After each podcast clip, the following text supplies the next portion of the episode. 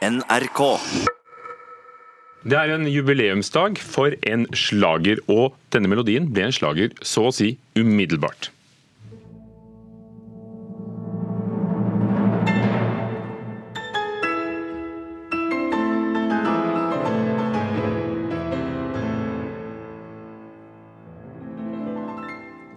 På dagen 150 år etter urfremførelsen av Griegs konsert for klaver og orkester verk nummer 16, eller Amol-konserten blant venner, kan vi bare fastslå at den fortsatt er en av verdens hyppigst fremførte konserter. Uroppførelsen skjedde i Danmark, men her i Nyhetsmorgen sitter pianist Håkon Austbø. God morgen. God morgen. Du har fremført den utallige ganger, Ja. i flere versjoner. Kan, kan vi begynne med å fastslå fortjener den sitt ry og sin hyppige spilling og innspilling? Ja, absolutt. Altså, det er jo et mesterverk. og den, er, den rager veldig høyt blant, blant alle klaverkonserter. Også internasjonalt. Um, men det er jo sånn at den har fått et sånn preg av en um, uh, Et stykke som kanskje kan virke litt svulstig eller litt si det, du. Um, og har blitt kritisert for det, da. Det går gjetord om din fremførelse med Gewandhaus orkester i Leipzig i 1993. Du har fremført den med Oslo-filharmonien i 1983. Men det vi hørte anslaget til her, det var avskjedskonserten, avslutningskonserten på Festspillene i Bergen i 2003 med Bergen Filharmoniske Orkester, Harmonien. En ganske utypisk versjon. Ja, Det hørte vel alle, at uh, allerede paukevirvelen og det, det, begynnelsen før klaveret setter inn, var litt annerledes. Ja, alle hørte det. Alle hørte det, ikke sant? Men det er, flere, det er flere ting som er annerledes i denne første versjonen. Og klaverpartiet er nokså likt. Og selve stykket er veldig likt. da. Sånn at Han forandret ikke på selve musikken, men han forandret den på instrumentasjon, på detaljer i eh, i indikasjoner og sånn på- i partituret. Du sitter her med partituret. du. Ja. Det, det er førsteutgaven, den som kom og ble fremført i 1869, 3. Ja. april. Ja, kan det ses her? Ja, for, for de som er på NRK1 ser vi det, men jeg kan fortelle at dette er en faksimile av Griegs egne sirlige eh, nedtegnede noter. Hva gjorde Håkon Austbø at du har ønsket å, å spille denne første versjonen? Ja, altså Da jeg fikk eh, la oss si, da jeg fikk vite om den, da, at den var på en måte rekonstruert, så syns jeg det var veldig interessant. Det var Geir Jonsson som, som ba meg spille den på, på verftet i, i, Bergen? i Bergen eh, under Festspillene. På Fringe-festivalen, da. Og fordi at vi ville ikke ha denne versjonen på selve festivalen den gangen. Eh, Det ville de ikke ha før der i 2003, da jeg spilte den på, og da var det liksom innenfor Festspillene. Men da, på en måte i 93, så var det litt eh, motstrøms det å gjøre dette her. La oss høre litt. La oss gå inn litt eh, etter eh, begynnelsen og, og, og lytte nøye.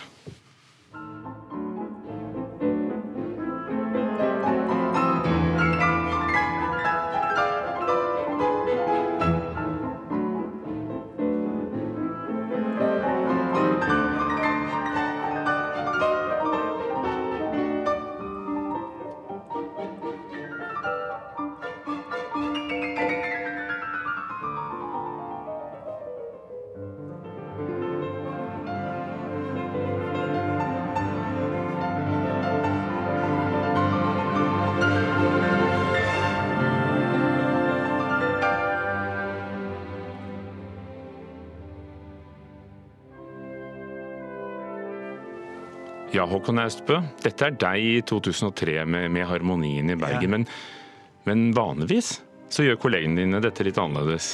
Ja, det vil si at inspirasjonen her Alle kjenner jo dette, dette sidetemaet, som man har alltid hører i cello og en oktav lavere. Her er det trompeten, og det gjør det jo til et helt annet tema. Hvorfor ville Grieg forandre, forandre noe som allerede hadde hatt suksess? Han eh, kom bl.a. til Frans Liszt, som jo var en stor autoritet på den tiden. Og øh, fikk stor anerkjennelse av Liszt, men, men Liszt sa selvfølgelig nei, du må forandre på det, du må forandre på det.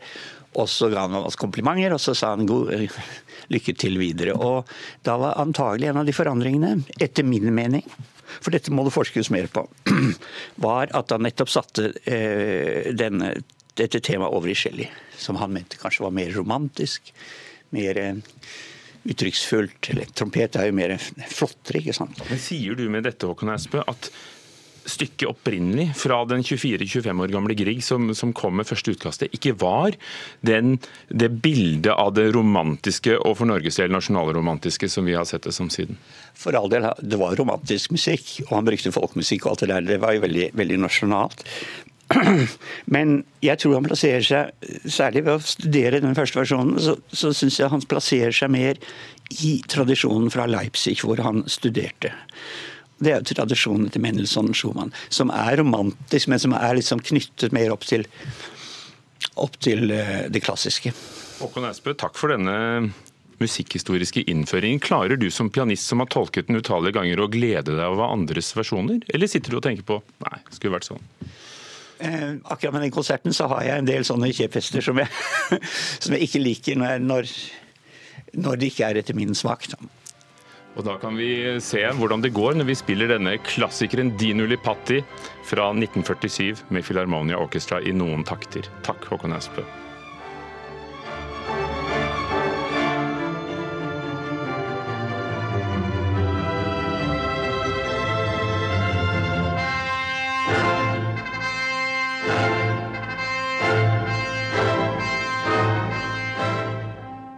Går det an å høre på? Ja, altså det er jo flott orkester. Ja, fikk ikke hørt Lipasti her, da. A-moll-konserten 150 år i dag. Takk, Håkon Austbø. Ida Creed og Petter Pettersen, scenen er deres. Ja, eh, til noe helt annet, som det heter. Oh, she's sweet but a psycho, a little bit psycho. At night she's screaming, I'm on my mind, my mind. Oh, she's hot but left but she's right though. At night she's screaming, I'm on my mind, my mind. Låten 'Sweet But Psycho' er eh, Ava Max eh, største hit i Storbritannia akkurat nå. Den norske artisten Tix, eller Andreas Haukeland, er en av fem eh, låtskrivere bak låten, skriver VG i dag. Kulturreporter Petter Pettersen, hvor populær har denne låten vært i det siste? Du, Den har eh, ligget som nummer én i Storbritannia i fire uker i strekk. Eh, da Siste uken i desember kom den inn som, som førsteplass, og så har den lånt tre uker i januar. Eh, dette den største hit i første kvartalet. da. Og Den er da strømmet 79,8 millioner ganger i, i Storbritannia, og slår med det Ariana Grandes store hit 'Seven Rings'. Um, og Storbritannia er ifølge en fersk rapport fra plateorganisasjonen IFPI eh, verdens tredje største musikkmarked. Hvordan slår eh, låta an her? Du, Den har vært eh, svært populær. Eh, den slo gjennom i fjor høst og var i alt seks uker på, på toppen av VG-lista. Eh, nå ligger den der på en åttendeplass, altså for uke 13. Og artisten Ava Max har også låta 'So Am I', som er inne som nummer tre da, på, på VG-lista for uke 13. Ja, Dette følger du med på for oss. Takk, kulturreporter Petter Pettersen. Edward St. Aubin er en engelsk forfatter og journalist som har skrevet åtte romaner. Fem av dem handler i stor grad om ham selv og oppveksten i en ikke så velfungerende overklassefamilie i England. Hovedpersonen heter Patrick Melrose.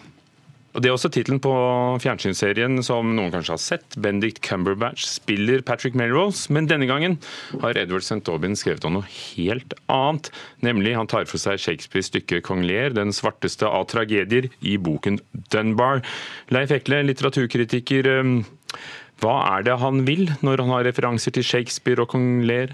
Ja, han eh, skal vi si det sånn, han fikk et oppdrag. Eh, det var dette britiske forlaget Hogarth som har hatt et prosjekt med å la forskjellige forfattere ta for seg hvert sitt eh, Shakespeare-stykke. Eh, vi kjenner jo best her hjemme Jo Nesbøs versjon av Macbeth. Margaret Atwood har skrevet om stormen, og altså da Edward St. Aubyn har tatt for seg den gamle kongen Lear, og Unnskyld. Og, og gjort en, en, ny og moderne roman av det. Hvordan eh, løser han det, og hva, hva blir det til i, i hans ja, hender og hans penn? Ja, Hans tilnærming er for seg ganske lik Nesbøs. Altså, Nesbø skrev jo en thriller uh, i sitt eget uh, område. Uh, St. Aubin har kommet opp med en, en slags morbid underholdningsroman. den gamle kongen ler bytta ut med mediemogulen Henry Dunbar, en Murdoch-aktig figur kjent for makt og maktbruk. Eh, akkurat som kong Lear så har han tre døtre. To av dem er utkrøpent bortskjemte, manipulerende, voldelige, griske og maktsyke. Eh, dette er jo gjenkjennelige trekk hos begge forfattere, både St. Aubin og William S. Den tredje og yngste, hun som er den gode, har Dunbar under et raserianfall støtt fra seg, gjort arveløs. Og den beste og beste rådgiveren og advokaten han har hatt, han har også kvitta seg med.